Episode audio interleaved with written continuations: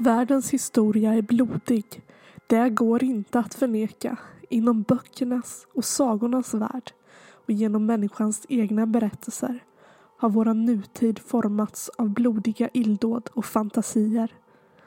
Det är lätt att romantisera det blodiga och hemska.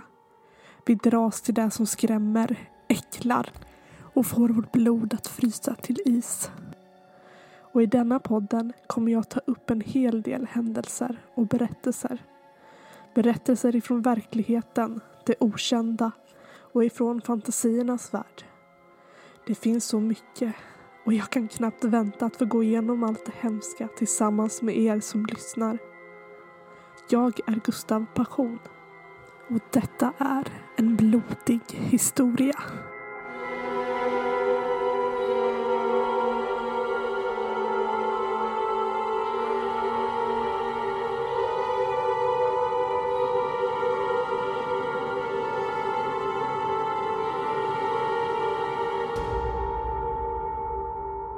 Historien är inte bara en viktig del av vårt förflutna. Det är även en viktig del i vår framtid.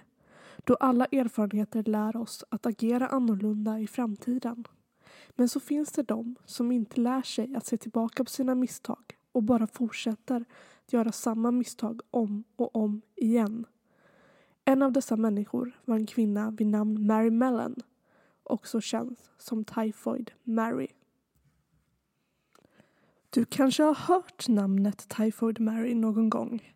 Och även om du inte har det kan du slappna av. För du ska nu få veta vem och var och vad sjukdomen hon bar med sig gjorde med sina offer. Mary föddes den 23 september 1869 på Irland. Under tidigt 1880-tal immigrerade hon till USA och som många andra landade hon i New York där fick hon jobb som hushållerska. Men efter några år fick hon rykte om sig att vara en mycket duktig kockerska. Så under sekelskiftet och efter sökte hon sig istället till köket hos välbärgade New York-familjer. Vilket tyvärr fick förödande konsekvenser. Man vet inte exakt när hon smittades. Men man tror att det kan ha varit tidigt under år 1900 eftersom att det var då hennes offer först rapporterades. Tyfoidfeber, som sjukdomen heter på svenska, är en förskräcklig sjukdom som idag kan botas och motverkas med antibiotika och vaccin.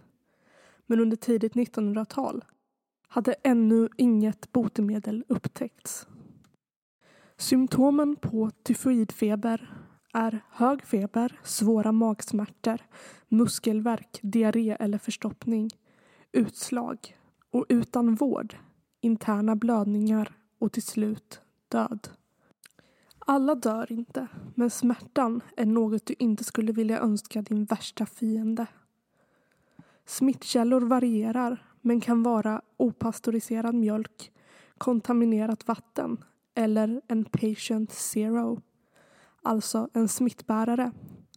Smittorisken är hög vid utbytande av kroppsvätskor och vid hantering av mat. Så all mat som vidrörs av en smittbärare blir genast kontaminerad. År 1906 hade Mary arbetat som kokerska åt flera rika familjer i New York med omnejd. Hos sju av åtta familjer hon arbetat åt hade minst en eller flera familjemedlemmar och gäster insjuknat i vad som senare identifierades som tyfoid vilket förbryllade doktorerna då tyfoid räknades som en sjukdom som framför allt drabbade fattiga vid denna tiden som inte hade tillgång till rent vatten.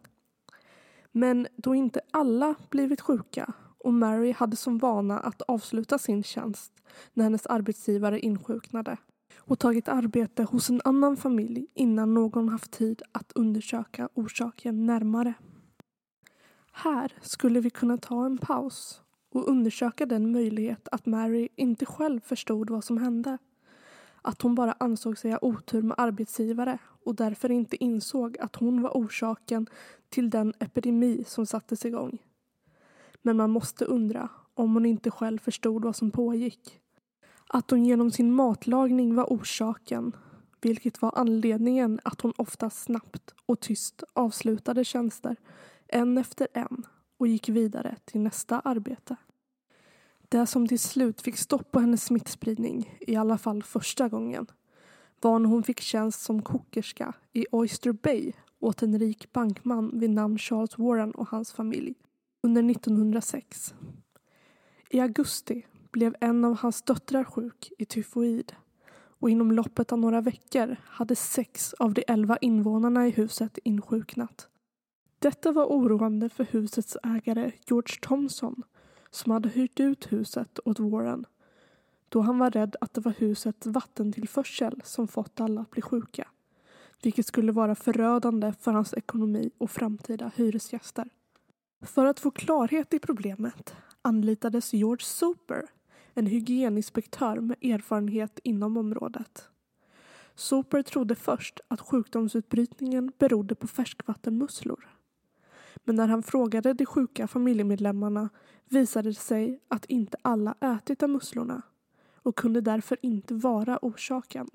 Han vände då sina misstankar mot Mary och började undersöka hennes historia hos andra familjer som hon jobbat åt och upptäckte då det kusliga sambandet.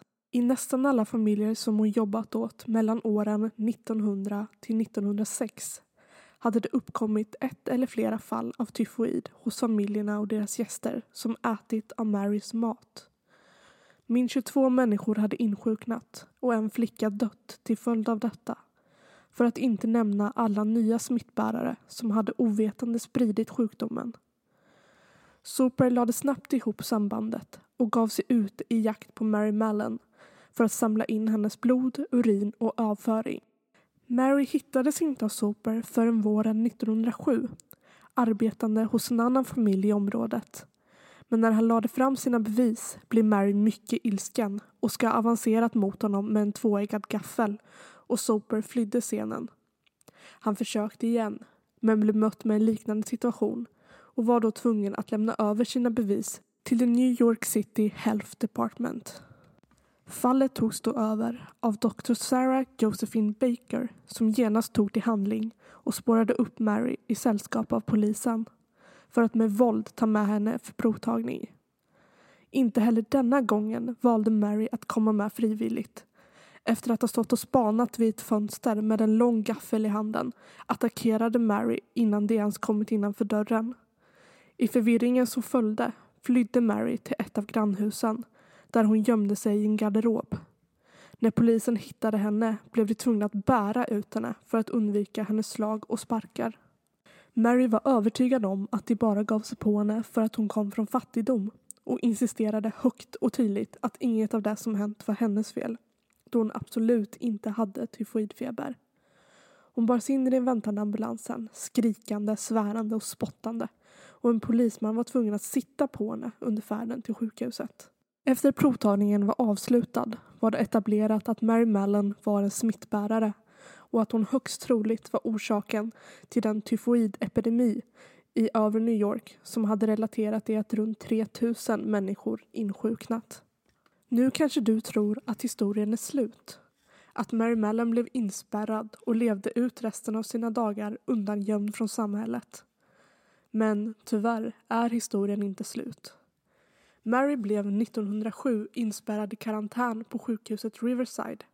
Hon fortsatte att hävda sin oskuld och bestämde sig 1909 att stämma the New York Health Department.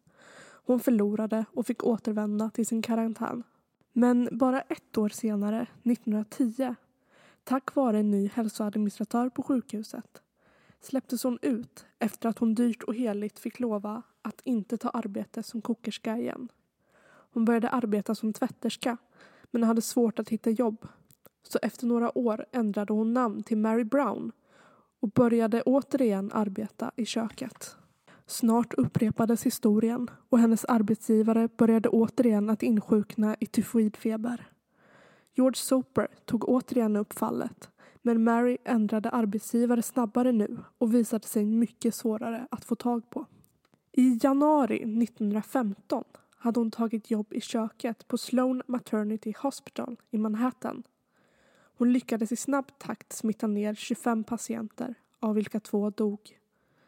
Mary flydde, men denna gången hittades hon av polisen och blev arresterad.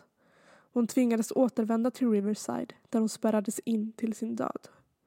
Mary Mellon dog av lunginflammation 1938. Hon blev 69 år gammal.